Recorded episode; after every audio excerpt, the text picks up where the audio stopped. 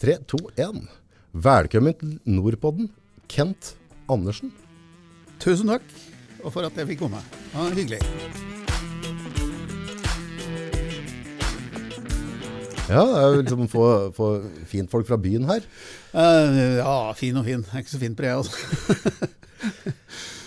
Det jeg lurer litt på nå i dag, annet vindmøller. Det har vært vanvittig mye stå og hei på sosiale medier om det. Ja. Hva, hva, hva skjer? Hva er poenget?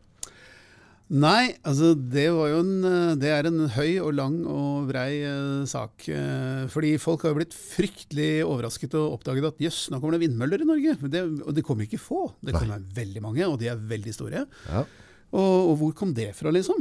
Det er litt sånn typisk eh, politisk litt sånn politisk sak. Det er sånn som driver og subber rundt nedi i det politiske mørket i sånn ca. 20 år, og pop, så popper det opp, og så ser folk at hei sann, dette har visst noen vedtatt. ja.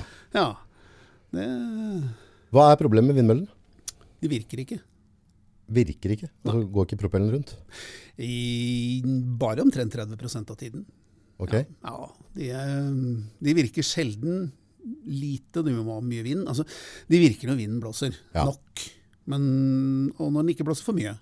Men det er jo ikke så ofte vinden blåser nok, eller blåser, blåser sånn akkurat passe. Ja.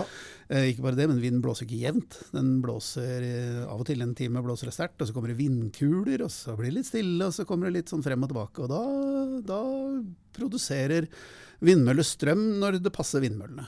ja. Men forbruket vårt, det er jo helt jevnt. Det er jo forutsigelig. Det, er, det varierer mellom eh, natt og dag, eh, og middagshøyder og litt grann sånt noe, men det er veldig forutsigelig. Og strøm kan ikke lagres. Det kan det ikke. Nei. Vi har ikke store batteripakker. Så store batteripakker har vi ikke, og det får vi aldri heller. Nei. Tror jeg. Matematikken sier i hvert fall det. Og så, så da, da ender man med å, å bygge et eh, helt nytt kraftnett. Eh, for vi har jo et kraftnett som virker. Hva skal Norge med vindmøller? Vi, er, vi hadde et eh, grønt skifte for 100 år siden. Vi Ja. har eh, 100 vannkraft. Eller 99, et eller annet Ja, ja. sånt noe. Uh, og strømnettet vårt fungerer helt perfekt. Det er et av de beste i Europa. Uh, og vi har ikke behov for mer strøm. Så, og vindmøller er i praksis at man bygger et helt nytt kraftsystem parallelt med det man har fra før. Hva er poenget? Uh, nei, man skal redde jorden. Redde Skal, ja, skal redde jorden. Skal redde jorden fra, fra plantenæringen CO2. Eh, fordi jorden koker, og nå er det rett før ting går nedom og hjem. Eh, problemet er det at vindmøller klarer ikke det heller. De klarer ikke levere strøm når de skal. Eh, de klarer ikke levere så mye strøm som de skal. I hvert fall ikke så mye som reklamen lover. Og de klarer ikke kutte CO2 heller, og de klarer ikke kutte kullkraftverk. For kullkraftverkene de må stå bak og summe og gå og levere strøm når eh, Når, Når det ikke blåser. Når, det ikke blåser. når plutselig det blir et vind, vindstille i en time eller to, eller Hvor mye penger skal vi bruke på dette her nå? Å, herregud. Det er ingen som tør å si. Det er ingen som vet, helt sikkert. Men uh, at det er over 500 milliarder, det er det helt sikkert. På å bygge vindmøller. Ja. Når starter dette? Altså, Nei, Det har starta for lenge siden. Eh, vindmøller det starta Det startet eh, Ja, det starta internasjonalt. Så starta det jo allerede på seint på 70, begynnelsen av 80-tallet. ja. Med det store vindrushet i eh, California. Ja. The, Great Californian Wind Rush. Ok. Ja, det var, i 80, det var fra 81 til 85 omtrent. Da fant noen eh, briljante politikere ut at vindkraft, det virker. Mm. De hadde ikke noen forutsetning for å si dette. De kunne ingenting om strømleveranser, de kunne ingenting om teknologi. Men de fant ut at vindkraft, det er tingen. Så da satte man opp eh, store subsidier. Og det tok selvfølgelig smartinger med dress og slips og, eh, og BI-bakgrunn, uh, blårussen som jeg kaller dem, den Ja. tok selvfølgelig tak i det og sa at her kan vi tjene masse penger Ja. uten å risikere noen ting. Og det varte i fem år. Da fant man ut at vindkraft det fungerer ikke. Eh, og eh, så kollapset subsidien, så kollapset hele bransjen, og så kollapset vindmøllene til slutt. Og så tapte mennesker alt sammen. Så det du sier nå, at det vi driver med nå i Norge, har vært prøvd før Mange ganger. og avslutta. Mange ganger. Det har vært prøvd i, eh, det har vært prøvd i USA. Første, det var det første store vindrushet. De det er godt å være skattebetaler. Ja da, De har prøvd det i Australia, hvor de hadde et fullt fungerende, nydelig strømnett som var et av de beste i, på den sørlige kule. Ja. Det var drevet av kullkraft stort sett, men det fungerte veldig bra. Ja. Eh, så bygde de et helt nytt eh, kraftnett parallelt med kullkraftverkene sine, for da å redde jorden. Og det virker ikke, det kutter ikke CO2. Og kullkraftverkene går for fullt fortsatt, og alle pengene er tatt. Så det fungerer ikke der. Og I tillegg har man da fått skyhøye strømpriser på oppimot 2,50 kroner øre, som er typisk for vindkraft. det er dyrere å kjøpe vindkraft? veldig, veldig mye dyrere. Seriøst? Ja, veldig mye dyrere. Et, eh, et kullkraftverk kan levere strøm for uh, kanskje 80 øre, en krone, en krone per kilowatt, mens vindmøller de, de, leverer gjerne for 2,50 kroner øre eller mer, uh, og de må ha subsidier. Det må de. Sånn at de, de, Det er ikke mulig å drive den bransjen uten subsidier. og Det er nettopp derfor så mange blåruss eh, kaster seg over dette og, og bruker millioner av kroner på PR-folk, på PR-kampanjer, på eh, å, å, komme seg inn i politikken, komme seg inn i departementene for å, for å smiske med folk og si at du, der, vi har en kjempegod idé, og det er å bygge vindmøller. Og da sier politikerne å, sier du det, ja men da gjør vi det. Akkurat som de gjorde med DAB-radio. Hvor, eh, hvor, radioselgere sa at å bygge DAB, DAB, det er smart. Det er kjempesmart, det burde du gjøre. Ja, sa politikerne, da gjør vi det. Og jo, Disse politikerne sitter fullstendig uten teknologisk kompetanse. De kan ikke reparere en brødrister engang. Men bestemme fremtida, det kan de. Nå, nå, nå snakker vi 500 milliarder kroner eller et eller annet. Tenk på et tall. Det ja. kan bli 1000 ja, okay, milliarder. Ja. Men det, det, er, det, er, mye penger, uh, og strømregninga mi kommer til å bli høyere. Mye høyere. På hvilken måte Åssen? Åssen har, altså, har, dette skjedd? Også, jeg føler at jeg har ikke vært med og stemt på dette der. Da. For jeg hadde på en måte gitt meg valget, ville doble strømprisene, bruke mye av skattepengene på andre ting. Så hadde jeg sagt nei, det vil jeg ikke. Ja, det, er, Men, det, er, den smarte politikken. Da, du. Du, politikk det foregår på det, det, det tydelige planet, liksom i, i, forkant, hvor folk snakker om ting. Men så foregår det i bakrommet også. Og det er jo der all politikken egentlig skjer. Altså, Avstemninger i Stortinget er jo bestemt på, for, på forhånd. Eh, det er jo komiteer som sitter og bestemmer at sånn stemmer vi, og så, og så gjør man det. Og, og, når det gjelder kommer til vindmøller, så tror jeg man kan lete lenge etter, eh, etter noen eh, papirer som tyder på at dette skal Norge satse på i fremtiden. Sånn på 90-tallet eller fra 2000-tallet tror jeg ikke det blir lett å finne de dokumentene. De er nok der et sted, men, men Når er det prosessen har starta, tror du? Altså De første vindkraftverket det starta jo på Frøya med en bitte liten propell som drev og de skulle teste ut dette her. da. Um, og Det var vel 90, tidlig på 90-tallet, kanskje seint på 80-tallet. Okay. 88-89, tror jeg. Ja. Og Så bygde de én, og så bygde de en til som var litt større. Og siden da har egentlig vindkraftindustrien jobbet lobbyisme med norske politikere for å få dette inn. Og, og, er det korrupsjon på gang? Liksom? Altså, nei, alt er helt åpent. Uh, altså, alle, alle, papirene er der. Men uh, for de av lytterne som har uh, lest 'Hitchhiker's Guide to the Galaxy', ja. hvor stakkar Arthur Dent han bor i et hus, og så kommer det masse folk som skal rive huset hans, for de skal bygge en, en ringvei. Ja. og da sier de ja, men alle, alle papirene var på utstilling. Ja, sier artsatent, men jeg måtte gå ned i kjelleren, og lyset var borte, og det var trappa også, og det lå i et, uh, i et uh, oppbevaringskabinett med 'Beware of the leopard' på døra. Og Sånn er det litt i politikken. De vet hvordan de skal skjule ting som skjule papirer som, som, kanskje kan bli litt kilende. Det er, sånne skjer f.eks. når du skal melde Norge inn i EØS, når Norge har sagt nei til å bli medlem av EU. Ja, ja, for eksempel. Ja, det er sånn, sånn, typisk. Det er samme som foregår. Ja, men jeg fatter ikke, altså, dette, Det er jo en, en beslutning som rammer alle oss som bor i Norge. Altså, det er mm. veldig veldig mye av pengene våre mm. som du og jeg og for så vidt er med eier, ja, som har blitt beslutta at vi skal bruke på dette. her, Og det sitter da sikkert av type private eller andre aktører og tjener mm. grovt på å bygge opp dette her. -hmm. Når, når, når slo det med klubba vår så vi starter? Altså. Mm, ja, De første papirene jeg har funnet Nå har jeg drivet og jobba mye med dette her i, i eh, Document.no-redaksjonen. Uh, de første papirene jeg finner som er tydelige, det, det kommer jo fra NVE, som sånn rundt 92 Eh, rundt 1992 som sier at uh, Norge burde absolutt satse på vindmøller i fremtiden. Uh, Det snåle med det, det er som sagt at eh, da var allerede fasiten klar fra USA. Ja, de har prøvd det. Ja, de har prøvd det. Men uh, da sier man at ja, men de vindmøllene der de var jo gammeldags og dårlige, men med moderne teknologi. Så går det. Og med lagringsteknologi av strømmen, for vi kan jo lagre strømmen, uh, da, da kommer det til å bli kjempebra. Og Danmark er jo en kjent sak. Altså Nordmenn er jo glad i Danmark. Nordmenn drar masse til Danmark. Ja, ja, ja. Og der sitter vi jo da i feriehuset, og så ser vi på disse vindmøllene som roterer. Så nordmenn har nok hatt et veldig sånn positivt forhold til vindmøller og tenker at hm, dette var smart. Hvorfor, det virker jo grønt, liksom. Ja, hvorfor gjør vi ikke mer av dette? For Danmark er jo, er jo basert på, på, vindmøller, og får jo kraften sin fra vindmøller. De har kanskje ikke så mye valg, heller? Nei, de får ikke det, vet du. Det bare ser sånn ut.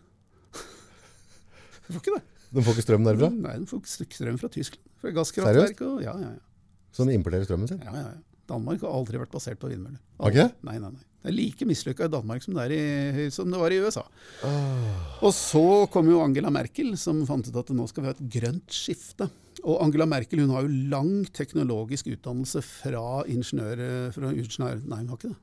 Nei, det hadde jeg ikke. har ikke det. Har nei. ikke noen utdannelse innenfor teknologi i det hele tatt. Men å bestemme fremtiden, det forbeholdt han retten til. Og siden de da skulle ha dette grønne skiftet for å redde jorden, eh, så, eh, så fant hun ut at vindmøller er fremtiden igjen.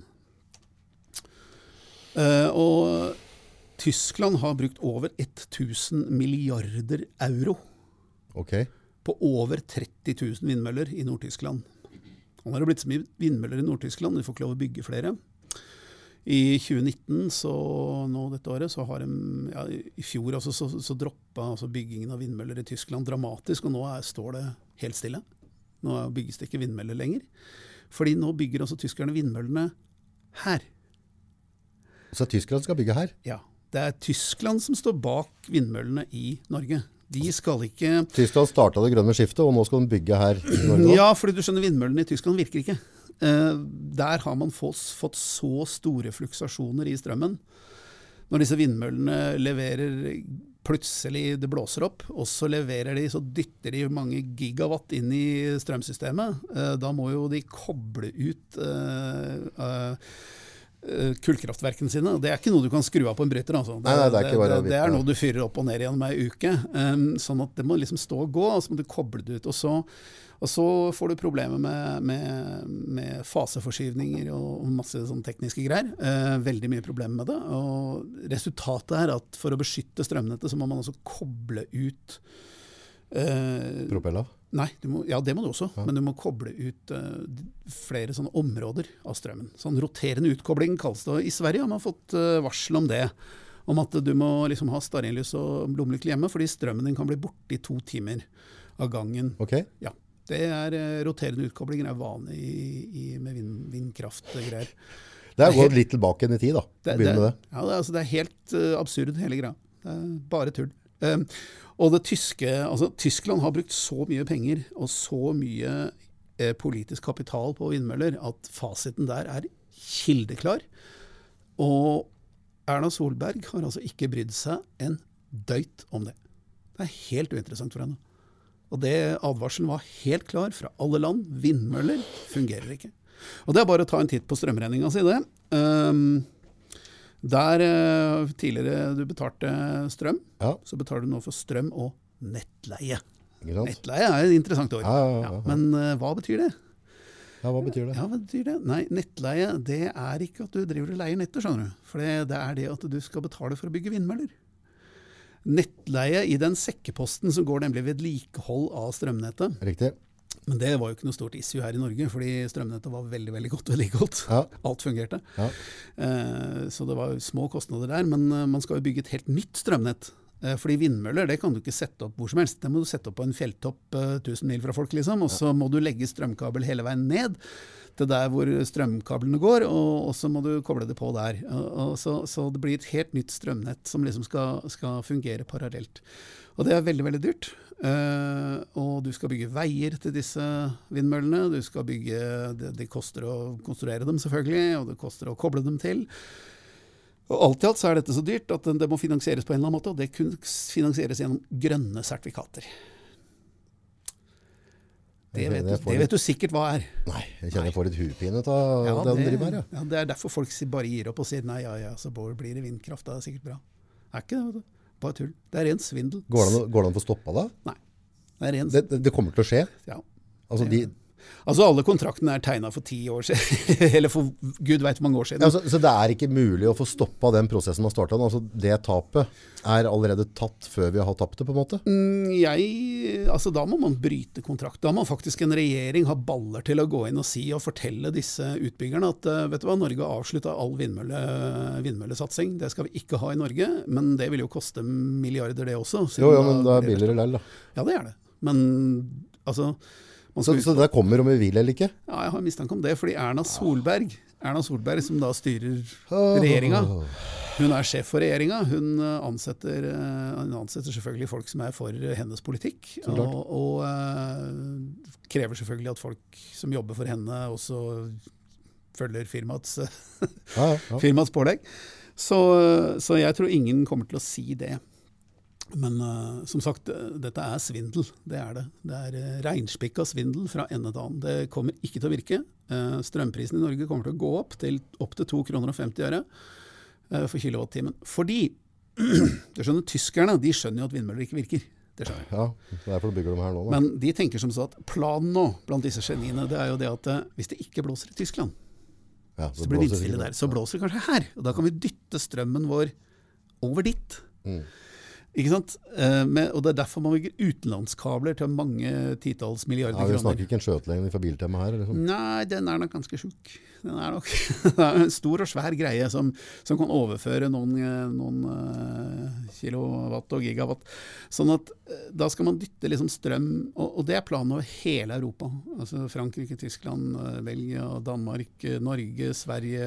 Alle disse landene, altså be, og, og England, de skal da begynne å dytte disse, denne strømmen frem og tilbake. Og der det, der ikke blåser, da da skal de få strøm fra der det blåser. Da er selvfølgelig spørsmålet ja, men hvis, de vind, hvis, landet, hvis Norge får bare vindmøller, og får all strømmen sin fra vindmøller, da kan vi ikke dytte strømmen vår til Tyskland, for da blir vi sittende i mørket. Men, Så, men per, per i dag, da, nå- det er jo strøm her nå, så vi har jo strøm. Ja, det har. Per i dag så har vi Ja, strøm. det har vi. Eh, og det kommer da i hovedsak fra vannkraft, ikke sant? det kommer fra vannkraft. Eh, Så det dekker oss nå i Norge. Den kommer fra vannkraft, dekker oss legge, i Norge. skal de legge ned vannkraften? Nei, nei, nei, nei, det kan de jo ikke gjøre. De skal dytte vannkraften til Tyskland. Fordi Tyskland vil ikke ja, Nei, du skjønner, Tysk, du skjønner, Tyskland vil ikke ha vindmøllestrømmen vår. Den, vil ikke, den er helt ubrukelig, for den varierer med voldsomme svingninger fra liksom Kødder du med meg nå, eller? Nei, jeg kødder ikke i det hele tatt. All, alle disse skjemaene er fullt tilgjengelig. Jeg har et Seriøst? Altså, Ja, nei, jeg kødder ikke. Men Tyskland vil ikke ha den strømmen. De vil ha jevn, solid Norsk, fin strøm. Ja. Noe som nå kalles backup-strøm. Okay. Som liksom kan, kan regulere nettet når disse vindmøllene plutselig slutter å snurre. Og, og da vil de ha vannkrafta vår, for den er så genial. Men hvis de tar av vannkrafta vår, så må jo vi ha noe kraft. Sånn at da bygger vi vindmøller, og så får vi vindmøllekraft isteden. Og dyr strøm, og roterende utkoblinger rundt omkring i Norge. Kommer til å skje. Det fordi nei, jeg kjenner jeg gidder ikke å forholde meg til dette. Liksom. Altså, Nei, altså, jeg har en bok her. eh, Den, den heter The Wind Farm Scam. ja. Eh, Den er skrevet av John Eth Etherington uh, i 2009. Eh, En engelsk fyr som, som har satt seg inn i vindmøllegreiene i, um, i England. Det må jo gå an å få stoppa dette her. Er det, er det ikke noen fornuftige folk som sitter på Nei, det er det ikke. Ikke, ikke. ikke når det kommer til vindkraft. Og ikke når det kommer til det grønne skiftet. Fordi bak all denne galskapen, selv om vind, vindkraft beviselig altså ikke kutter noe CO2, det, det gjør det ikke. Fordi okay. da, vil, da ville det skjedd i Tyskland. Men Tysklands CO2-utslipp er omtrent Ja, de har falt lite grann. Det hjelper lite grann, men det er så lite at det Fordi ingen snakker om hva dette koster, ikke sant. Det er jo det som er helt uinteressant. Det, Ja, det er grønt. da, Kostnader for er å koste hva helt, det ja, det er- koste hva det koste vil. Og, og bak dette ligger jo da selvfølgelig det grønne skiftet og, og den, store, den store utslettelsen som truer oss alle og er rett rundt hjørnet. Og, Mm. og nå er det krise. Som også bare er svindel. Ja, for det, er jo noen som i utgangspunktet så skulle Aker Brygge løgne vann nå, skulle ikke? 20 år siden. 20 år Ja, vi venter fortsatt, men det er, det er faktisk pussig nok, oss som har bodd i Oslo, så er faktisk vannstanden nøyaktig like høy. Og operaen, altså hvis man var så veldig bekymra, så er det jo veldig snart at de skal bygge operaen. Og, altså de største byggeprosjektene i, i Oslo, de ligger jo da det Deichmanske bibliotek og, og Munchmuseet og Operaen, det ligger jo i sjøkan, sjøkanten. Så hvis man virkelig trodde på dette, så, så ville man ikke gjort det. Eh, men og, altså, Hva, hva, hva, kan norske, hva kan vi gjøre for å få stoppa det pisset her?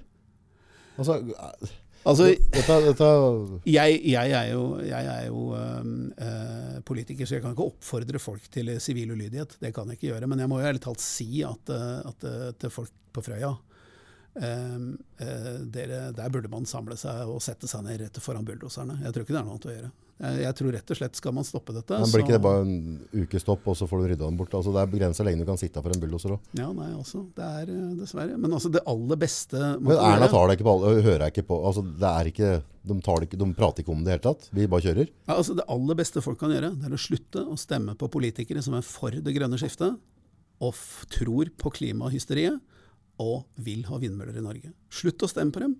Gi dem en skikkelig smekk, for er det noe politikere er redd for, så er det å miste stemmer og oppslutning. Altså da Det er den eneste måten vi kan ta dem på. Eneste måten vi tar dem på. Ja.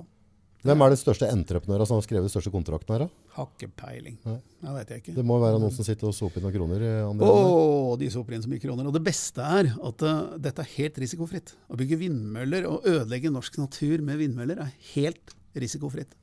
Du kan investere så mye du vil, for de veit at de får igjen penga gjennom subsidier. Altså de grønne sertifikatene. Ja. Og Hva? grønne sertifikater kan jeg selvfølgelig prate om, men det kan jeg prate om sånn ca. et kvarter, men du kommer ikke til å skjønne det likevel. Nei. Fordi det er altså. Men for å si det kort og godt, så er det sånn at uh, um, grønne sertifikater det er noe vindmølleprodusenter selger, Ja, så klart. som uh, vanlige kraftprodusenter er nødt til å kjøpe. Så, de får, så vindmøllene får penger. Og alt dette er drevet av subsidier, sånn at, sånn at vindmøllestrømmen får liksom forkjørsrett. Um, og det er et aldeles absurd system som, som er veldig veldig vanskelig å forstå. Og, men det det koker ned til, det er rett og slett at for å bygge og drive vindmøller, så trenger man offentlige penger. Kort og godt. Og det, det er en sånn Pluss penga våre. Ja, det Ja, og det er jo offentlige penger. er våre det er de, de Hvor mye koster det å vedlikeholde en sånn propeller? Vet du, er det, Det- er det, er det, er altså vindmøller, de, de, de vindmøller, de tallene jeg har fått, det er jo altså det, det blir litt tenkt på tall, fordi det kommer litt an på hvor de står. Det kommer an på hvor store de er. Eh, det kommer an på eh, tilgjengelighet og hvor gamle de er Ja, osv. osv. Men uh, der, der spriker tallene ganske mye. Og det er klart, hvis du spør vindkraftindustrien, som selger vindmøller, eh, da sier han at den leverer, 5 gigawatt, den varer i 20 år, og det blir så fint. Mhm.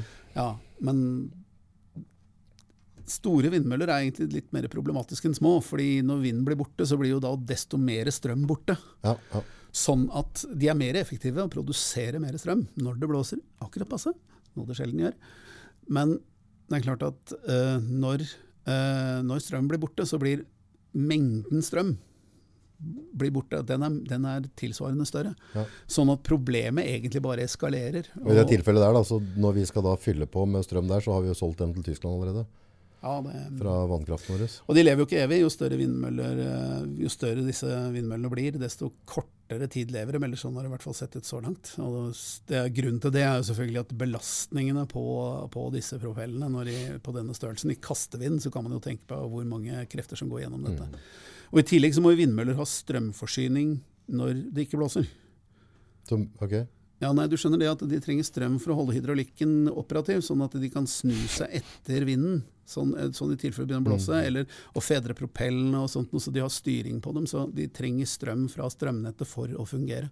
Så i det hele tatt eh, Men altså det, funka ikke i, eh, det, fungerte ikke i, um, i USA på 80-tallet. Det fungerer ikke i England, og den boken her beviser det. Um, her er alle tallene, alle kurvene, for de som måtte være interessert.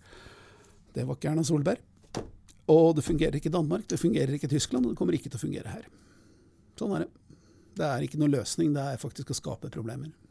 Og det er helt meningsløst, fordi altså, Norge hadde det grønne skiftet for 100 år siden. Vi har ingen kullkraft. Nei, nei, nei, nei. Så vi trengte ikke vindmøller. Så, så ødeleggelsen som foregår av skjærgården nå, er totalt unødvendig. Og blir gjort bare pga. at Tyskland har skapt problemer for sin egen strømforsyning. Så skal vi rette opp igjen. Så skal vi redde det. Men vi veit jo hvor gode venner Erna Solberg og, og Angela Merkel er. Sånn at ja. Hvorfor skal vi imponere andre politikere i andre land hele tida? Ja, Norge skal alltid være best i verden på alt. Det er, jo, det er jo sånn det er. Dette er sånn norsk eh, det var, en, eh, det var en, For 20 år siden hørte jeg en, eh, en som jobba innenfor EU. Han sa han, det var en, de hadde en norsk vits om liksom nordmenn. Og det var, det var en EU-fisker eh, som kommer inn til havna. Eh, og, og, så spør folk på kaia har du fått noe. Ja, sier han. Jeg har fått, jeg har fått, jeg har fått åtte hektoliter euroreker, og så har jeg fått én norsk reke. Én norsk reke? Eh, hvordan vet du det? Det er veldig enkelt. Den ligger på toppen av alle de andre. Banker seg på brystet og sier 'jeg er en hummer, jeg er en hummer, jeg er en hummer'. Enkelt og greit. Jeg veit ikke hvordan nordmenn blei, norsk politikk blei sånn, fordi den norske folkesjela er jo ikke sånn. Ja, men altså Driver, driver Erna og på en måte skal porsjonere seg for et eller annet politisk vær europeisk. Altså, hvorfor, hvorfor, går det med på sånn? Altså, han, Jens der er jo Nato nå og greier. Mm. Altså, altså alle politikere um, eller i hvert fall veldig mange. Mm. Uh, nå skal ikke jeg snakke stygt om alle politikere. Nei, nei, nei. Brems litt her. Ja. 95% av alle politikere i Norge er ubetalte. Ja. Okay? De ja. jobber på fritida. De, de jobber for for eh, hjembygda si, for hjembyen sin. Ja. De får bare peanøtter for å gjøre dette, de bruker fritida si. Det er som å være fotballtrener for Lilleputt-laget. Og all ære til folk som går inn i politikken, uansett parti, bryr jeg meg ikke om. Mm. Altså, er du med i partipolitikken og, og, hjelper til med å styre lokalpolitikken, så, så, så, så skal folk ha heder for det. Mm. Det syns jeg er kjempebra. Og i lokalpolitikken så samarbeider jo folk i alle retninger og partier og alt mulig rart. Det er, det er mye, mye roligere sånn sett også inne i Oslo. Men problemet er at det er en del politikere som er veldig glad i makt, og ute etter makt. Og som jeg sier, at folk som ønsker makt, de er minst egna til det. Ja. Og de får rett og slett ofte De gjør politikken til en egotripp. Ja. Som skal liksom Jeg vet ikke bekrefte deres eget ego, bekrefte deres karriere og bekrefte dem som og, så blir det rett og slett sånn at man blir svelget av eh, storpolitikk og av hensyn og av, og av, han, av hestehandling og, ah. og, sånne ting. Og så glemmer man det å ha integritet og ryggrad og, og, tenke på hva som er viktig for en politiker, og det er faktisk hjemlandet ditt. Er, du jobber altså Altså, norske politikere, Erna Solberg, er ikke valgt av tyskere. Hun er valgt av nordmenn. Hun har én oppgave her i dette landet, og det er å ta vare på dette landet til beste for borgerne våre, mm. til vår kultur og norsk, norsk, næringsliv.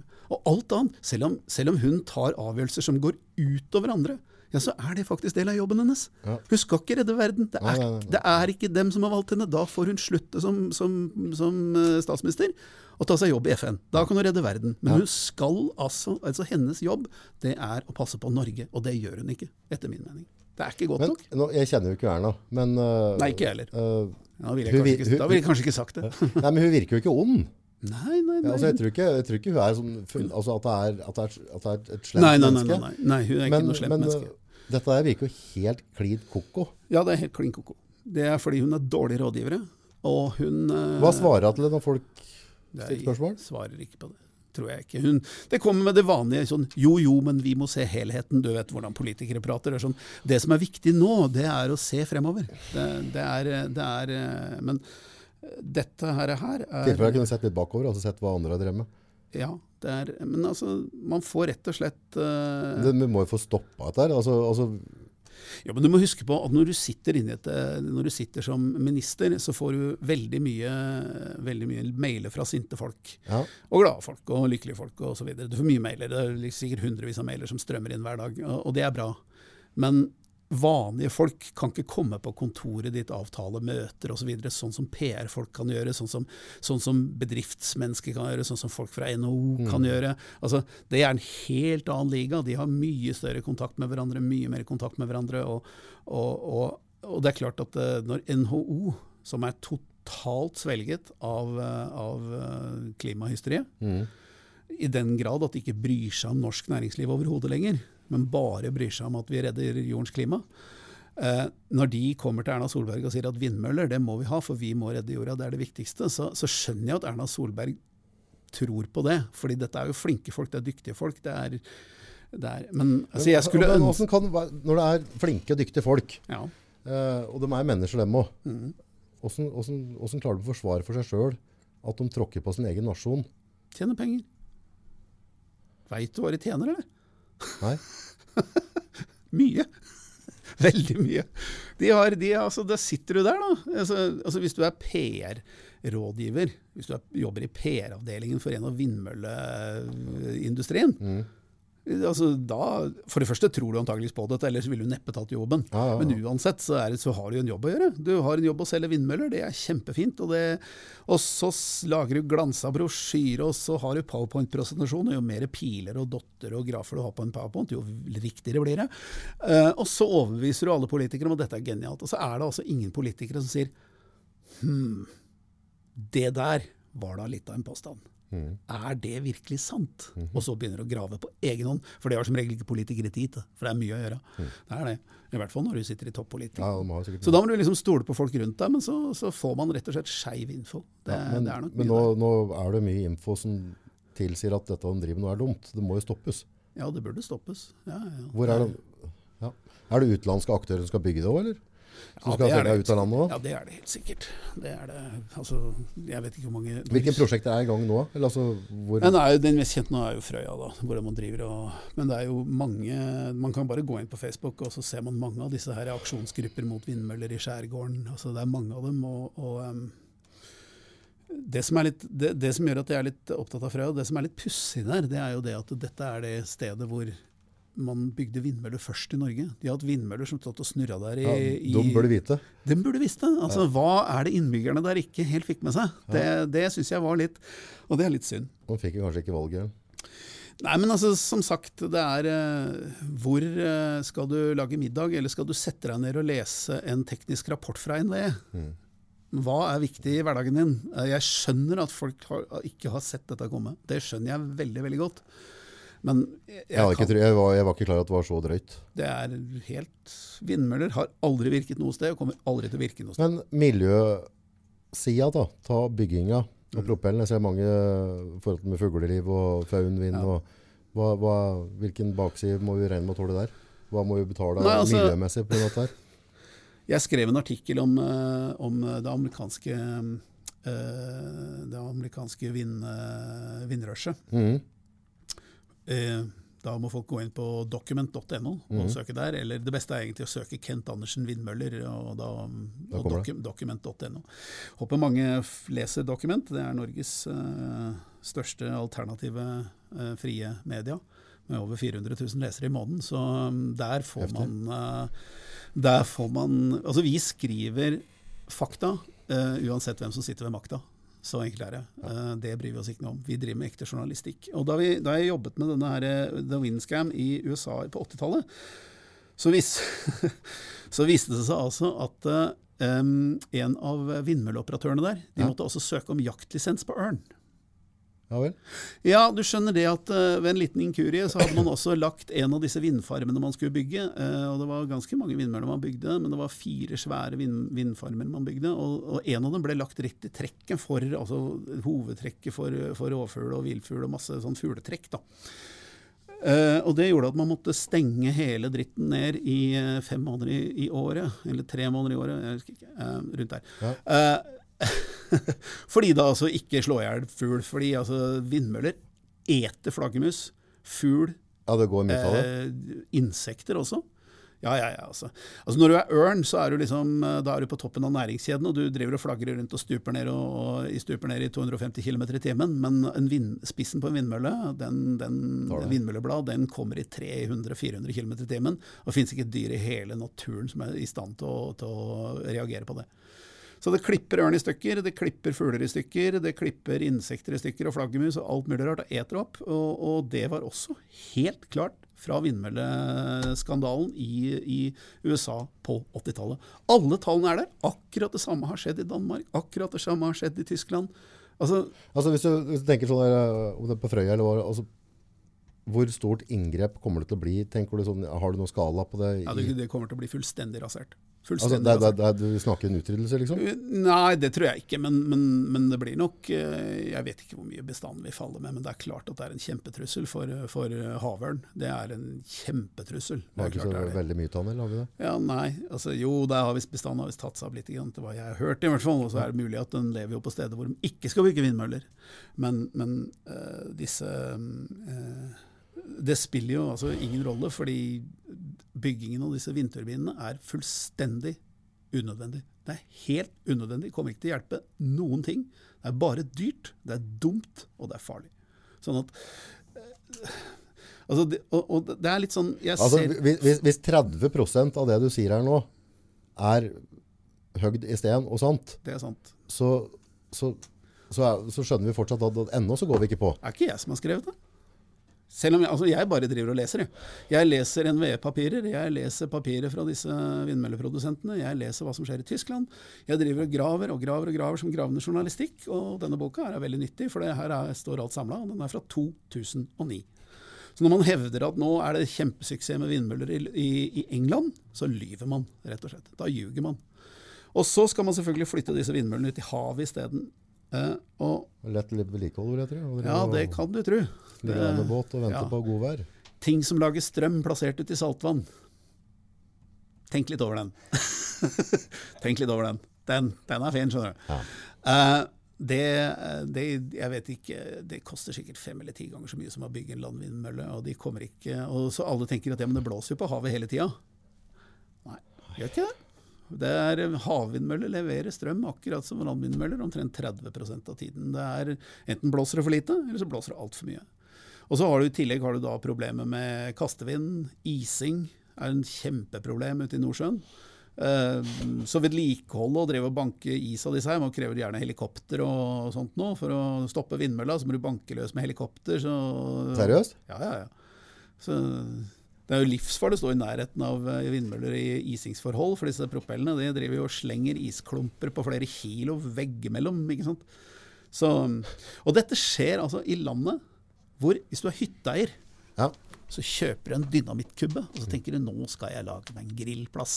Da og så tar du og sprenger vekk et lite hjørne av et lite svaberg. Mm. Hva er det som skjer da? Det blir arrestert. Ja, det gjør du. Får du bot. Ja, sikkert. Ja, det gjør du sikkert. Og så må du sette alt sammen på plass igjen. Og så må du rive alt. Men tyskere, som skal rasere kvadratkilometer med uberørt natur og svaberg, det er helt greit. Hæ? Tenk på det. Det er sånne folk som styrer Hvor er det grønne oppi der? Det fins ikke noe grønt oppi det. Det er bare vås. Bare tull. Bare tull. Altså Vindmøller er helt avhengig av at det står et kraftnett og driver og, og tar over strømleveransene når, eh, når, vindmøll, når vinden blåser, slutter å blåse. Det, der, det grønne skiftet og, og det, er, det er vel og bra. Vi skal tenke på, på planeten vår, så tenke på, på unga våre som skal bo her òg. Mm. Hvor mye sannhet er det i dette? her? Jeg har en sånn følelse at dette er bare en måte de kan tre på oss mer avgifter på. Nei, altså, altså, Klimavariasjoner er jo 100 sant.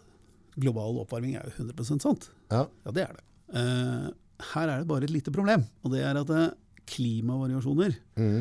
Det blir litt varmere. Det har blitt sånn ca. 0,8 grader varmere de siste 160 åra på jorda. Ok, Så de, så, de, ja. hadde de hatt vindmøller for 160 år siden, så hadde det ikke vært varmere nå? da?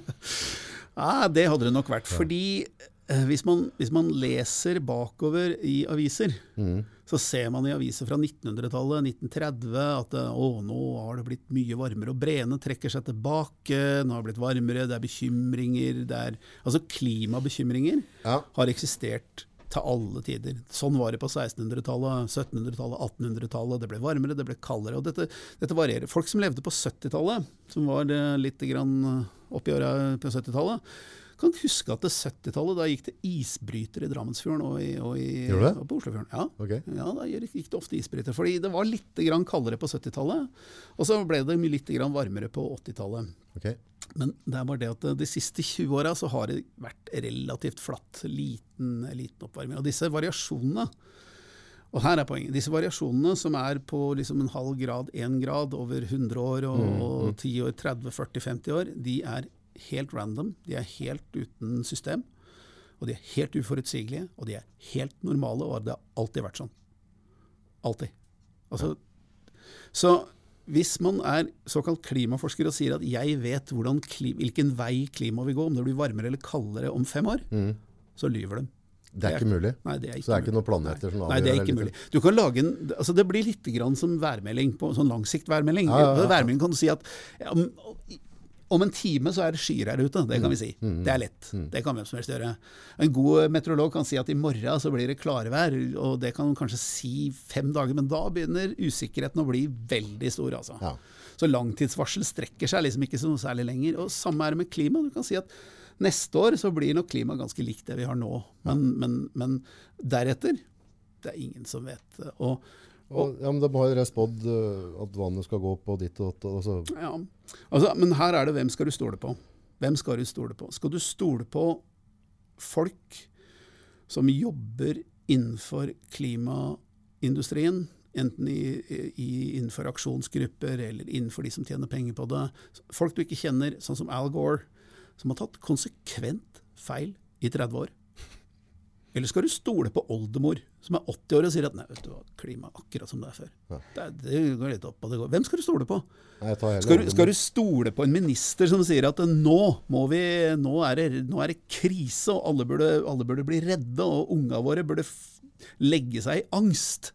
Eller er skal, du, eller, skal du, eller skal du lukke opp vinduet og titte ut og si at unnskyld meg, men det er jo akkurat som det var. Jeg har bodd her i 40 år. Jeg, Jeg skjønner at det er økonomi, men hva, er poenget med å skremme folk så fælt på dette? Penger. Penger. Penger og makt. Hva er den største klimabølla i verden nå, tenker du? Hva er liksom Greta Thunberg. Eller ikke stakkars lille Greta Thunberg, for hun er et lite fjols med en, med en diagnose som ikke skjønner noen ting av det hun prater om. ja, Men apparatet bak henne, det, det er nok det største.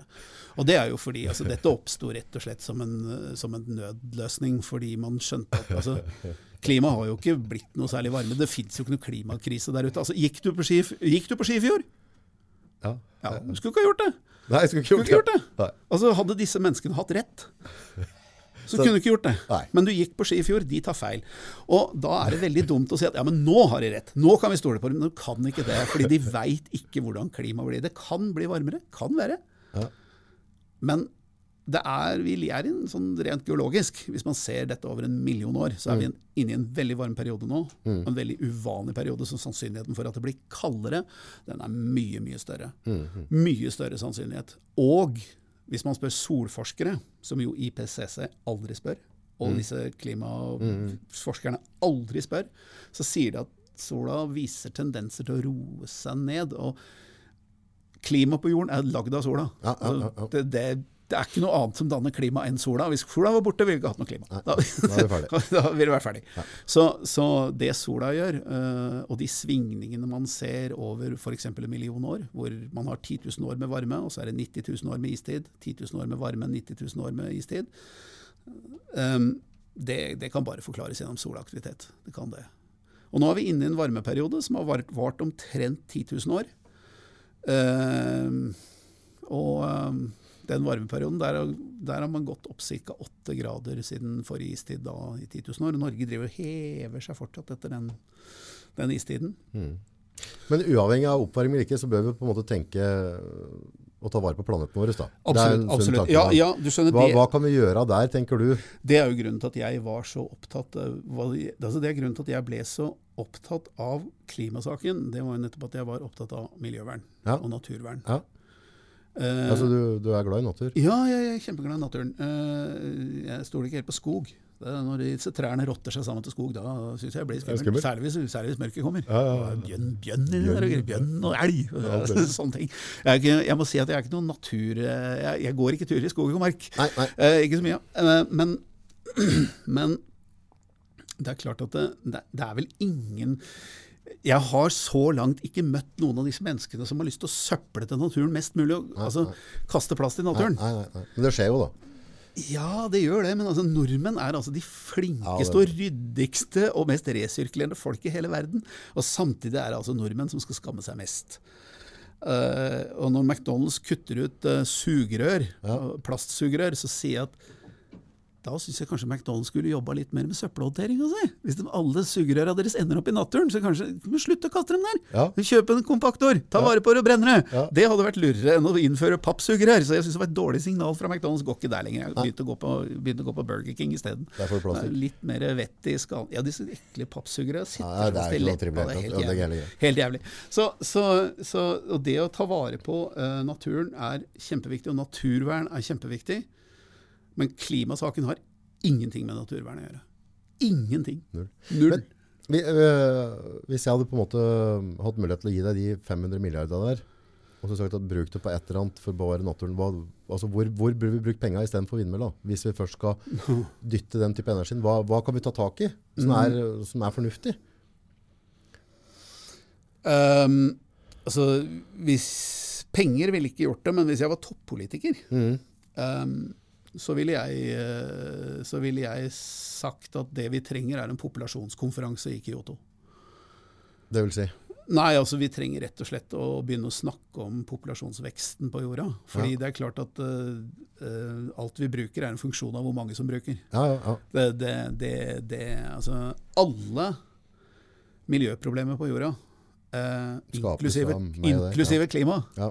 hvis det er en realitet, noe det ikke er, eh, det skyldes jo populasjon, antall mennesker som forbruker. Og da, da skal jo selvfølgelig vi, vi, vi hvite i Vesten vi skal ha skylda for vi bruker mest. Ja. Det er derimot ikke helt sant, fordi det er klart at at én milliard bruker mye, eh, betyr ikke at de bruker mer enn seks milliarder som bruker litt.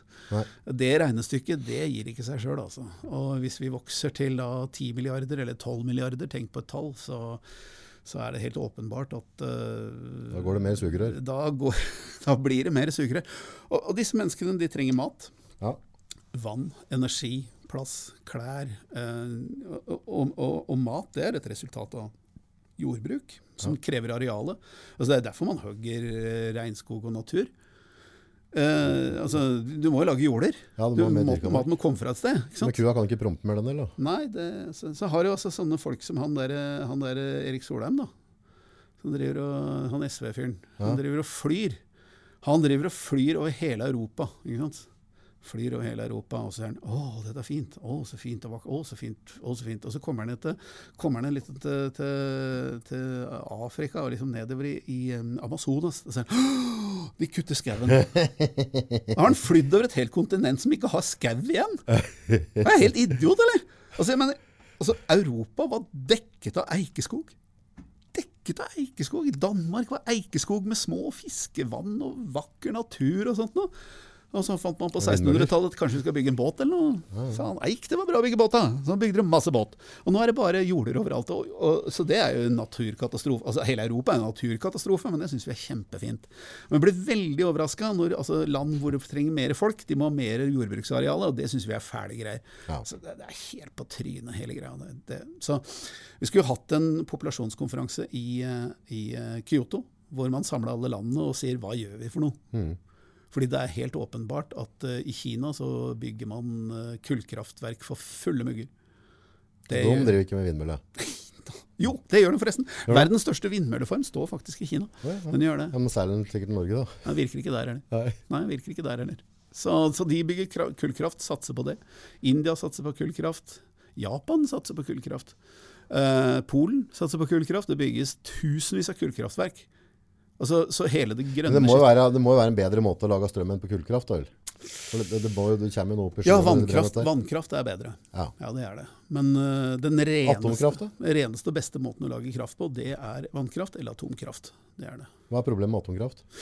Uh, det er jo wasten, da. Det er jo rett og slett uh, avfallsstoffene som er farlige for mennesker sånn en million år fremover, eller dullion år fremover. Altså, don't go near it. Eh, nå er det jo noen som forsker på at man kanskje kan bruke atomavfall til å lage strøm også. Det er litt spennende. Eh, så et prosjekt om det. Men atomkraft er helt rent. Eh, veldig, veldig sikkert.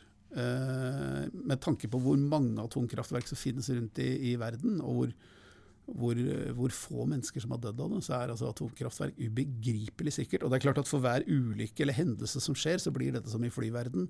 Man gjør det litt grann bedre. Eh, så kan man selvfølgelig si Tsjernobyl, og ja, men eh, La oss si det sånn, det var ikke måten å bygge et atomkraftverk på. Det var en dårlig måte å gjøre det på. Og sånn gjør ikke Vesten det, og sånn gjør man det ikke i moderne, moderne land. Sånn at det, det, Vi har hatt eh, Fukushima, vi har hatt eh, Tsjernobyl, og så har vi hatt uh, Three Mile Island. og Det er vel de tre incidentene som har vært. Mm. Og um, Hvor mange er det, tror du? Er det sånn på tusener? Ja, det er det nok. Altså, det er mange atomkraftverk. ja. Det er, en, det er en dyr måte å gjøre det på, men eh, også i tillegg så er jo amerikanerne har, har jo en del plassert om bord i noen båter og noe greier. da, vet du. Ja. Ubåter og Ja, ja, sånt. Jeg tror nesten det er flere atomkraftverk i ubåter og, Ja, for skip fyrer dem sånn. Ja, ja, ja. Så, så, men det virker, og det er veldig veldig effektivt. Og, altså, et atomkraftverk er jo egentlig en dampturbin. Da. Man bruker varmen til å Akkurat som et kullkraftverk, altså, for å si det sånn. Eh, bare man kan skape varme. Termalvarme er jo spennende. Uh, så det er mange Vi kan ikke ha uendelig mengde med kull i verden, eller? Jo, det har vi nesten. Ok, der fikk jeg svar på det. Ja, det har vi. Uh, Seriøst? Ja, det er så mye kull at det, det, det er Man sier, noen sier at vi har for 200 år, noen sier for 500 år, noen sier 800 år. I tillegg oppdager man stadig nye. Man har kullreserver. Man har oppdaget gigantiske kullreserver ute i Nordsjøen. Uh, som man ikke kan få opp, men man snakker om at kanskje man kan sette fyr på dem. Og kontrollere forbrenninga under havet gjennom uh, at man blåser inn oksygen. Ok. Fordi det er ikke noe oksygen der nede, og ingenting brenner uten oksygen. Og, og, da, kan du regulere, og da kan du regulere varmen ved oksygeninnpumping. Denne teknologien fins ikke ennå, men man driver og forsker på det. Og det er klart at da har du egentlig et, eh, et kraftverk som vi var i alt. Og så er det, men selvfølgelig, det slipper ut. Det er utslipp, det er CO2. Men Mm. her, er, her er en annen pussig ting, da. Og det er at CO2 er plantenæring. Ja. Uten CO2 så dør alt liv. Ja. Og langsomt har CO2-mengden i atmosfæren vår gått nedover og nedover og nedover helt fra, helt fra urtiden. Liksom. Altså, det var liksom en topp rundt eh, 200-300 millioner år siden da liksom, det var veldig masse vulkanisme. Og så har det liksom langsomt gått nedover og nedover. Og nedover. Og planter dør ved rundt 150 parts per million. Ok. Da, da, da er det Det er sånn Så vi, vi trenger CO2. Ja, altså, så, så var det, det var da krøpet ned til rundt 200, så 200 parts per million, som, som er eh, helt på kanten av hva egentlig plantelivet på jorda tåler. Okay. Og vår forbrenning av kull eh, og olje og gass det har fått det da opp i rundt 400 parts per million, altså doblet CO2-en i lufta. Og det har gjort at avlingene vi har nå, er mye, mye større enn det vi hadde for 100 år siden. Så potensialet i, landbruket er mye mye større. Trærne vokser mye fortere, det blir høyere. Eh, så hadde jorden hatt 200 parts per million eh, CO2 i lufta Ja. nå, så er det veldig tvilsomt at vi ville klart å fòre alle menneskene som bor på jorda. For avlingene ville vært mye mindre. Okay. Dette er sånne ting som folk ikke vet og ikke har hørt om. Og ikke, men altså, det er, altså, alt ligger der ute. Det er bare å forske, men det er vanskelig å finne. Fordi, fordi, eh, og Det er derfor det er nyttig med, med, med bøker om klima og om, eh, og om vindmøller og sånt. Fordi hvis du går inn på internett, og så googler du uh, 'climate change', Ja. da, du kan holde på i du kan holde på i åtte timer en dag, og du kommer aldri til å bli noe klokere. Fordi det spriker i alle retninger. Det er påstander, det er, det er forskningsrapporter, det er ditt, det er datt. Det kommer an på hvor man måler, hvordan man måler, hvordan man tolker resultatene, hvordan man regner ut. Hvordan, altså, altså det, er, det er bare surr, hele greia. og man, man må heve seg over det og si Gikk jeg på ski i vinter? Ja. Hvor er den klimakrisen? For den er ikke her. Nei, ikke Nei. akkurat her. Og når noen da kommer og sier at ja, men det kommer, da kan du si ja, men du tok feil. Du har fått tatt feil i 30 år. Du har Ja. sagt det i 30 år, du tok Ja. feil. Hvorfor har du rett nå? Fordi tegnene er tydelige, sier de da. Det er jo ja, gruten i kaffekoppen de ser på, eller er det sa du også for 30 år siden. og, og, og det er nå engang sånn at ingen vet hva klimaet gjør om fem år. Det er, de som påstår det, de lyver. De, de kan, de kan som en værmelding. Du kan, de kan si at ja, jeg kan si om fem dager så blir det solskinn. Men ikke skyt meg hvis jeg tar feil. Nei. Det gjør aldri klimaforskerne som er betalt av denne industrien. De sier aldri at 'kanskje tar jeg feil'. Det gjør de aldri. Du vil aldri høre noen si det. Og det er det som er det store altså misbruket av vitenskap i dette her greiene. Det er rett og slett misbruk av vitenskap, for man har ikke den eh, interessen av å falsifisere som, som man skal ha i vitenskap. Altså, I vitenskap er å tvile. Da noen kommer med bombastiske påstander om at jeg har funnet opp kald fusjon, så skal ja, Vis meg det. Kan, vis meg det, og la meg etterprøve det. La meg prøve eksperimentet, så jeg får samme resultat. Og når man også tar feil i 30 år, da Men vi kan jo ikke prate klima uten å komme inn en batteribil. Har du noe Jeg kjørte svigermors batteribil her Ja. for noen uker siden. Det var bra, det var fin bil, altså. var bra? Ja, kult. Ja. Kult. Altså, det, var, det funker, det. Er det en god løsning? Nei. Bare tull. Hvorfor ikke? Det må være Eh, knapt å brenne. altså, det er batter- Blir det lite altså, CO2 av det, Jeg, vil ikke ha det. uh, men uh, men uh, fordi mitt kjøremønster passer ikke det. Men, men hvis du kjører putter rundt i byen, og, og, det er klart at Tesla ser imponerende ut og, og batteribiler har én stor fordel som, som for industrien, som mm. mange ikke tenker på. Og det er at de er solid state. Én bevegelig del. Ja. Mens en bilmotor med girkasse og kløtsj og hele pakka det er 400-500 deler. Og det er klart at industrien går alltid mot solid state. Ja. så de liker det. Problemet er disse batteriene. Altså Elbil i seg sjøl, altså det funker kjempefint, men det er batteriene som er problemet. Og, og, altså, vet du uh, Et batteri på en Tesla veier rundt 350-400 kg. Okay. Vet, vet, du hvor mye en dieseltank veier? Vet du hvor mye diesel veier som har like lang, lang rekkevidde? Kanskje 30 kilo? Ja, 20 kilo, Rundt 20-21 kilo. Så så du, slep, du, kjøper altså en bil som, som er liksom nesten et halvt tonn tyngre enn det den trenger å være. Mm. Og, bruker, og den bruker selvfølgelig masse energi. Og så, og så, kjører man rundt, og så har man da rekkevidde som er liksom halvparten av hva jeg har mm. på min urgamle Ford uh, S-Max. Ja.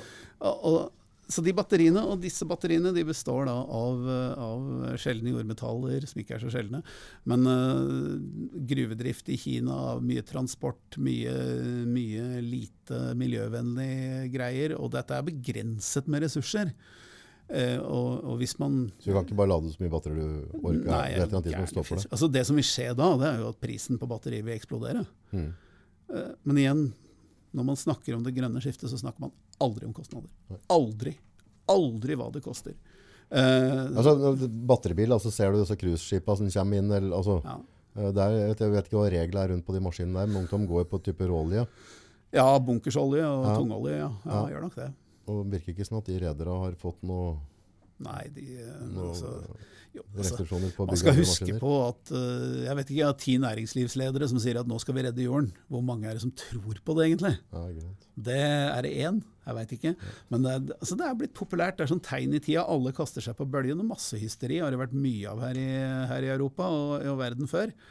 Uh, når alle sier at det er sant, så må det jo være sant. Mm. Men, men, det er jo ganske ekstremt, for staten har jo gått inn rett og slett og, og tatt bort en hel dunge med avgifter hvis du velger å kjøpe batteribil. Det er helt sprøtt. Eh, bomring, altså, jo, vi blir veldig belønna for å gå for den batteriløsningen. Det er genialt for bilindustrien i Tyskland. Du skjønner, tysk, tysk bilindustri det er under angrep fra tyske politikere. fordi de, Tyske politikere de, de driver hele tiden Dette er den viktigste industrien i Tyskland.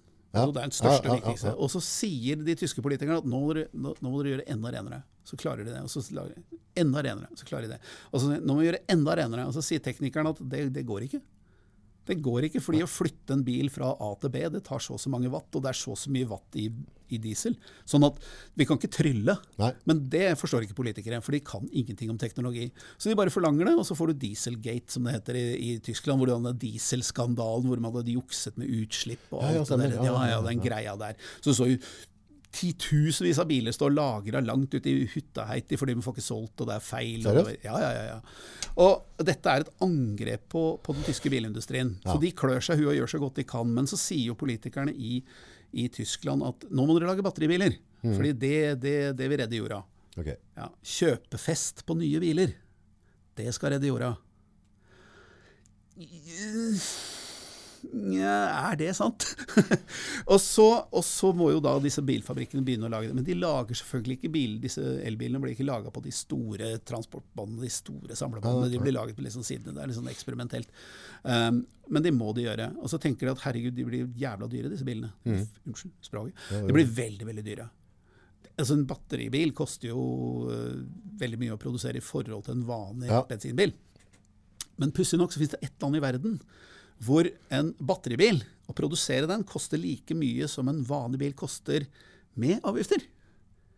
Mm -hmm. ja, sånn at en batteribil i Norge den, den, koster omtrent det samme som alle andre biler koster, hvis ja. du ikke gir avgifter på den bilen. Mm. Og dermed sånn, så kan du kjøpe da en sånn halv million-bil. ikke sant? Det, da er det, Hvis du kjøper en bil til en halv million, så er det nesten halvparten avgifter hvis det er diesel og bensin. Mm. Men som batteribil den koster halv million, og da kan liksom fabrikken solge den her, tjene penger. Og derfor dytter man elbiler inn i Norge, fordi det er et eneste marked i Europa omtrent hvor man altså får sånne subsidier. og man får, ja. Og nordmenn er jo dritglade. ikke sant? Jeg mener, Hvis du skal slippe å betale ja, ja. årsavgifter og, og hurra meg rundt og bomringer og alle disse avgiftene, og uten moms til og med, Mm. så kjøper du en sånn bil. Klart det. Du får, Istedenfor å kjøpe, betale masse avgifter, så kjøper du enda finere bil og kjøper Tesla. og så har du... Kommer det til å påvirke klimaet nå at du kjører Ja, batteri, tror du? Nei, ingenting. Bare tull. Bare. Altså Særlig fordi Norden, altså disse bilene lades fra vannkraft. I Tyskland så lades den fra kullkraft. Så det gjør ikke noe forskjell. Altså En elbil lager jo ikke strøm. Nei, nei, nei. Den gjør jo ikke det. Den, den bruker strøm. Så alt kommer an på hvor du henter strømmen fra. Mm. Og, og eh, Men faen, det strømnettet må utbygges det òg, hvis du skal lade alle disse bilene rundt. Ja, må det. Det går Det må det. Men det er jo det de holder på med, da. Så de driver jo og forsterker gjennom å bygge vindmøller, og det gir jo en sånn bieffekt at man får mer strøm. Men altså det, det, det redder kanskje bilismen, og det redder økonomien til folk at de kan kjøre batteribil istedenfor, men det, det redder ikke noe annet. Du kan ikke redde, altså, altså Her sitter altså en gjeng med sosialister og, og, og, og grønne gærninger og sier at nå skal vi slutte å forbruke. Kjøp en ny bil til 800 000, så redder du jorda. Hæ? Har du røyka? Har, har du hørt klikka for Jeg må skjønne at altså, Hvorfor sier du ikke heller Du, behold den gamle dieselbilen din. Og så kjører vi den i 20 år istedenfor, så slipper en fabrikk å lage en ny bil. Vil ikke det være litt grann bedre? Nei, det sier de ikke. Alle skal kjøpe ny bil. Nå skal, bytte, nå skal du bytte ut hele, hele bilparken i Norge innen 2030. Alt skal vekk! Kjøp nytt! For vi må redde jorda, skjønner du, for det er så mye forbruk. Hvor dum går det an å bli? Det er Total kortslutning. Baksida på en sånn elbil, altså nå på, på bensinbiler, så når de er ferdige, så blir de høgd opp og Ja. i grove trekk resirkulert. Ja. ja, elbil varer sjelden så lenge. Uh, altså, det, det har jeg også skrevet en artikkel. Altså, Har det kortere levetid enn en uh, dieselmotor? Det er ingen som egentlig vet. Fordi altså, den elbilboomen i Norge har kommet så fort at ja. ingen vet egentlig hva som vil skje om fem år. Fordi om fem år så begynner liksom garantien Det er jo garanti på disse batteriene, og det funker veldig fint. De mister litt grann kraft sånn Mm. Jevnt og trygt etter hvert som altså, sånn ganske forutsigelig. Men ingen vet hva som skjer når garantitiden går ut. Og problemet er at noen bilbatterier de får feil eller kortslutter, eller de virker bare. De bare slutter å virke, vil bare ikke mer. Å bytte en sånn batteripakke, det koster Tenk på et tall mellom 70 000 og 300 000. Alt etter bilen. Ja. Og hvis en bil da er 8-10 år gammel, så er jo ikke det lønt verdt. Nei. Det er jo bare å kassere. Men får de gjenbrukt de batteriene da? Mm, de har såpass Ja, altså det kan man selvfølgelig gjøre. Man har snakka om det at man skal, man skal ta gamle batterier og, og ta dem fra hverandre og resirkulere dem, eller man kan bruke dem til å, til å lagre strøm fra vindmøller. og Det er mye science fiction, men når man begynner å regne på det, Ja. altså hvis man gjør matematikken bak, så ser man at det Men forhold til batterigreier, mente jeg hørte et eller annet med han, eh, han Musk, han Tesla-gubben, at han eh, er interessert i å ha bilene tilbake, og at du får pant på bilene. Ja. Det må jo være et eller annet han driver og grubler på der. Ja, det kan godt være det. Det er altså. noen råvarer han er ute etter. At, Vi får se, da. Altså, nå har Tesla holdt på i over 15 år, og de har aldri levert et overskudd. Så, Var ikke det? Nei. aldri. Så, så det har vært en, jeg tror det var et par med kvartal hvor de klarte det, men ellers så går det dundrende underskudd, og det er jo mange i USA som lurer på om fabrikken overlever. Mm. Eh, vi får håpe at det, men det er jo ikke noe fare for folk som har kjøpt bilene, fordi de har jo sine ja. garantier. Men problemet er jo når en sånn elbil blir ti år gammel, og det batteriet er ti år gammelt, og det koster 300 000 å bytte, hva er egentlig en gammel Tesla verdt da? Altså hvordan, hvordan vil Det er veldig forutsigelig på en dieselbil, Ja, men på en Tesla hva er en sånn bil egentlig verdt? Vil verditapet liksom ramle i bånn? Ja, ja, altså hvis batteriet holder tre mil, så er jo ikke bilen verdt noe. og så har du en annen fare også, det er jo som folk begynner å bli klar over nå. da, fordi Nå får de jo en forsikringssmell. fordi det å reparere disse elbilene koster jo en formue. ikke sant? Du kan jo knuse speilet, koster 30 000 kroner. Ok. For det finnes ikke, det finnes ikke deler. Disse, disse elbilene lages på, side, på sidetransportbånd. Alle delene som produseres, går til nye biler. Sånn at hvis du krasjer bilen og trenger en ny støtfanger og et speil, så må du faktisk ta da en bil av samlebåndet. Sånn har det i hvert fall vært inntil nå. Og så må du ta en bil av samlebåndet, ta av speilet, ta, ta skjermen, og så har de en bil stående der sånn halvferdig. Det, det gidder de ikke. Så isteden da, da sier de at nei, da tar vi 30 000 for speilet og 50 000 for fronten. Liksom. Det er masse elektronikk og dritt i det, så, så sånn er det. Så Så forsikringa kommer til å gå opp? ja, den dobler seg nå på elbiler. Det er i hvert fall det som er signalisert fra forsikringsbransjen. Så får vi se, da. hva som skjer. Men altså, hvis, altså Det er et gammelt ordtak som nordmenn Altså sindige, rolige nordmenn, som jeg var så glad i, Mm. de, de, de var alltid litt grann sånn derre Jeg tror ser han lite grann, ja Men nå har det blitt sånn derre Det er så mange som har blitt sånn derre Å ja.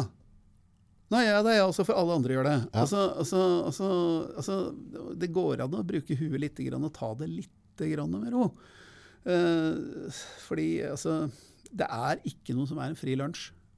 Altså, det, No altså hvis, hvis det ser Ja. hvis det ser uh, for godt ut til å være sant, og elbilgreiene i Norge har så langt vært det, ja, så er det gjerne for godt til å være sant. Altså, det kommer alltid en rekyl på en altså, Du kan ikke skyte med gevær uten å få deg en klapp på skulderen. Altså. Nei, det, sånn det er det bare. Ja. Det er noe med livet, der er det noe med livet og liksom hvordan Det er oldemor igjen.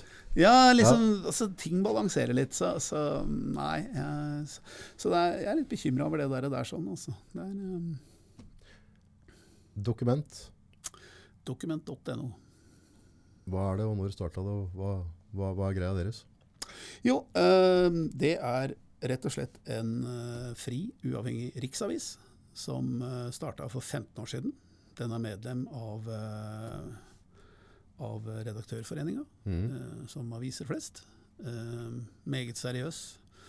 Eh, liten, eh, men vi går med overskudd. Eh, har 400 000 lesere månedlig. Eh, sånn cirka.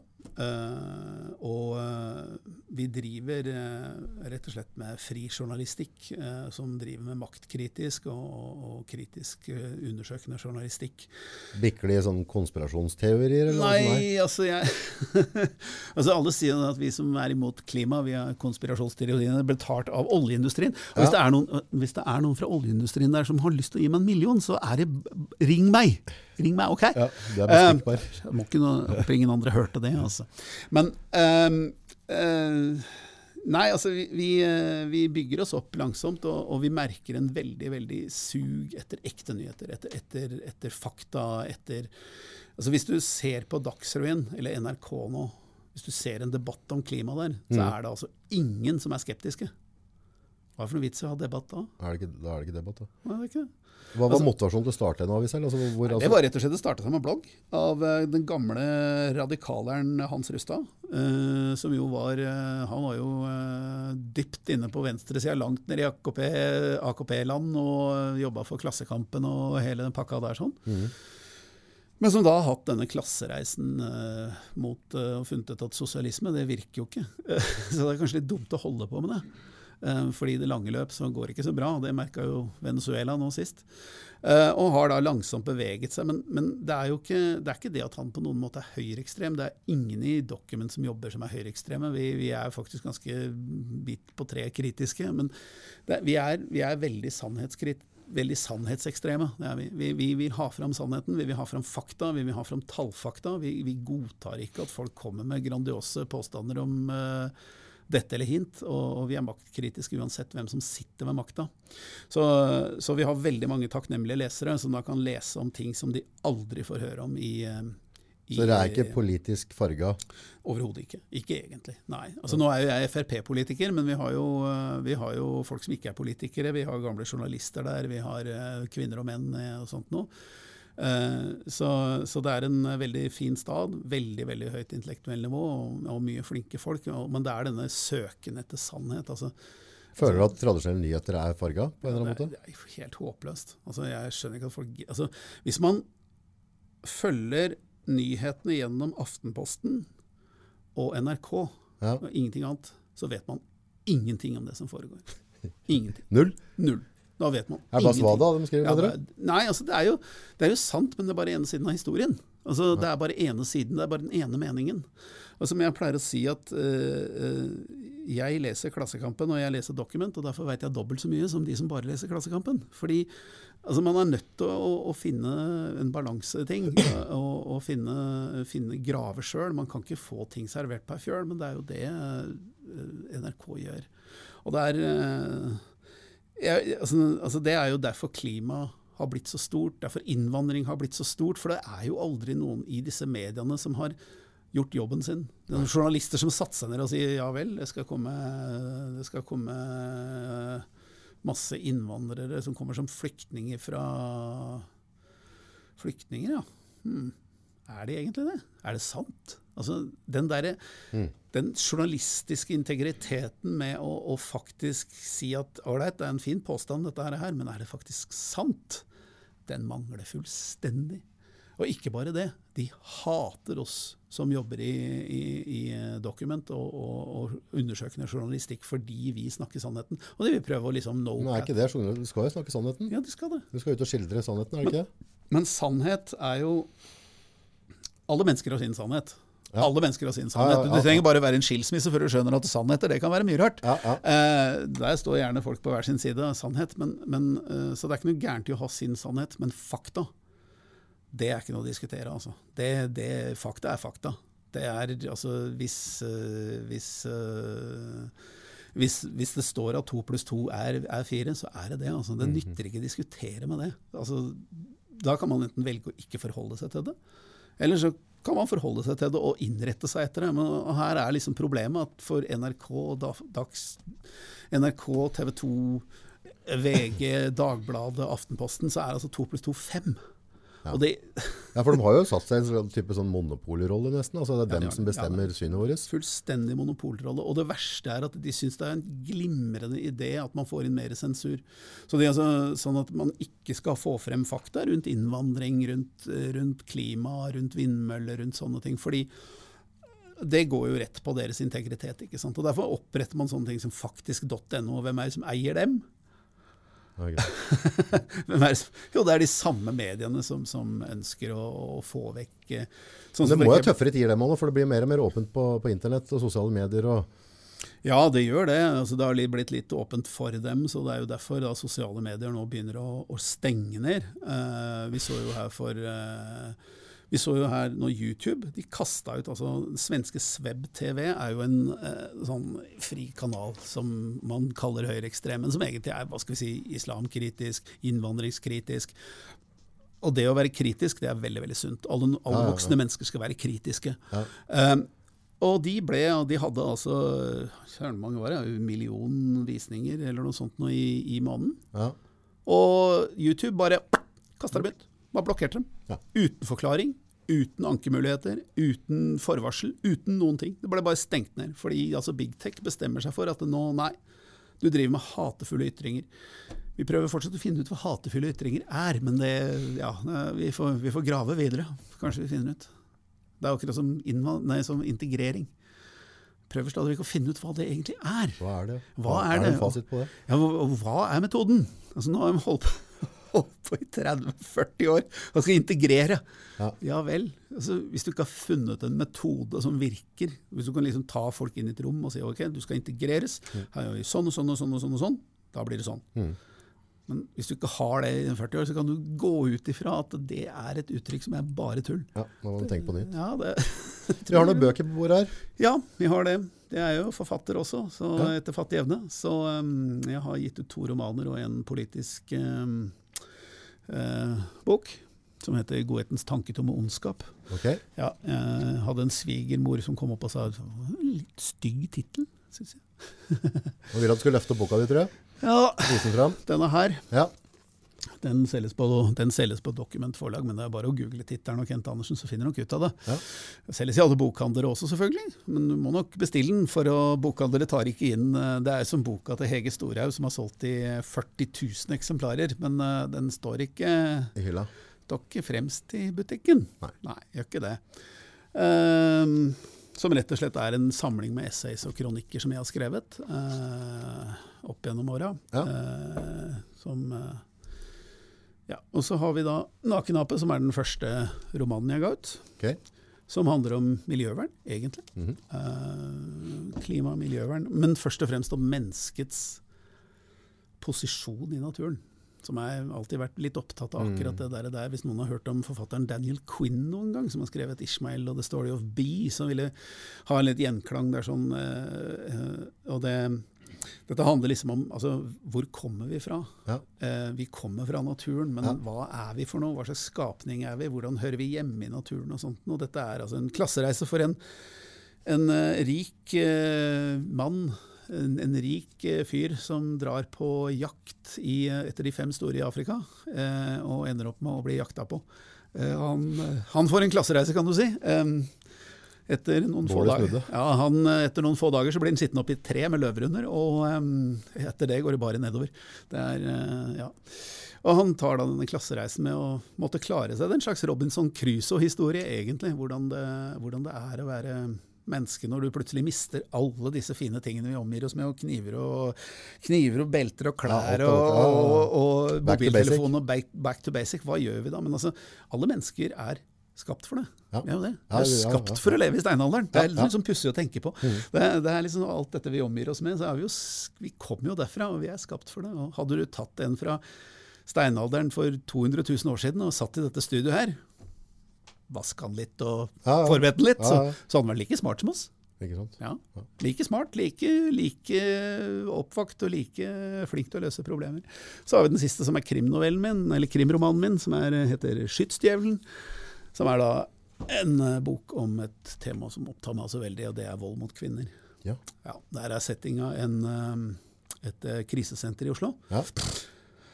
hvor det går en sånn rykte om at det var da pussig så mange av disse her voldelige mannfolka som eh, dør, liksom. Det var liksom Ja, Ja, ja. da var han borte. Og så er det litt sånn kakefest på bakrommet. Sånn. Der var vi kvitt han, liksom, så kan hun liksom gå videre i livet. Um, uh, og dette er en, da en helt inne som, uh, som ja. jobber der sånn litt på fritida. Hun er, eh, heter Torunn Heier. Hun er, eh, hun er, hun er blakk, tobarnsmor, skilt. Alt har gått nedom og hjem. Uh, usikker og veldig kritisk til seg selv. Hun havner da midt oppi, begynner å grave litt grann i dette her, og skal skrive en artikkel, prøve å tjene noe penger på det osv., og, så videre, og ender opp med å da irritere tidenes verste massemorder. Et ordentlig mareritt av en fyr. og han liker ikke hva hun driver med. Så um, dette er en sånn historie hvor, som er helt åpen. Ja. Vi skri, her skriver vi morderens synspunkt og hennes Ja, synspunkt, men du, dette, dette handler om hvordan disse to kreftene spinner seg langsomt nærmere og nærmere hverandre, mens det viser seg at storpolitikken er involvert, og det er, strekker sine armer inn i masse greier. Så det er en artig historie. Får jeg håpe. Har fått mye skryt. Spennende. Ja, ja jeg lese spennende. Den er spennende. Kjøp, kjøp! Kjøp, kjøp! Da blir jeg rik! Yeah. rik. Ja, det blir jeg aldri. Har du kjøpt deg batteribil? Vet du? Nei, det, jeg, jeg, vet du hva, jeg bytta, nå bytta jeg turboen, eller jeg bytta turboslangene på bilen min sjøl. Jeg reparerer bil sjøl. Jeg syns det er mye greier. Altså. Så holder, holder sikkert i fem år til. Ja, ja, ja. Slipper å kjøpe en ny bil, vet du. Rull og går. Tusen, tusen takk for besøket. Tusen takk for at Jeg jeg har lært kjempemasse Ja, og blitt litt oppgitt. Jeg får håpe noen sitter der ute i vindmølleindustrien og sier 'han ljuger!' Han og går ljuger. imot meg. Ja, Det skal jeg se, for jeg tror. Ja. Velkommen skal dere være. Man blir litt sånn frustrert når man får sånn informasjon. Ja. Men eh, folk vet for lite, og det må begynne å bli mer skeptiske. Det er ikke sant bare fordi aviser sier det, eller fordi mange folk som tjener penger på det, sier det. Altså. det er, sånn er det. Les dokument.no.